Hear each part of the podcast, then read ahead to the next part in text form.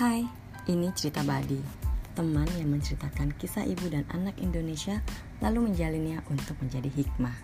Tergerak oleh pandemi COVID-19 yang melanda Indonesia sejak Maret 2020, cerita Badi hadir untuk pengingat bahwa di setiap kesulitan tetap ada hal baik di sana. Sehingga kita ingat untuk menjadikan sesuatu berlalu baik bahkan berlalu istimewa.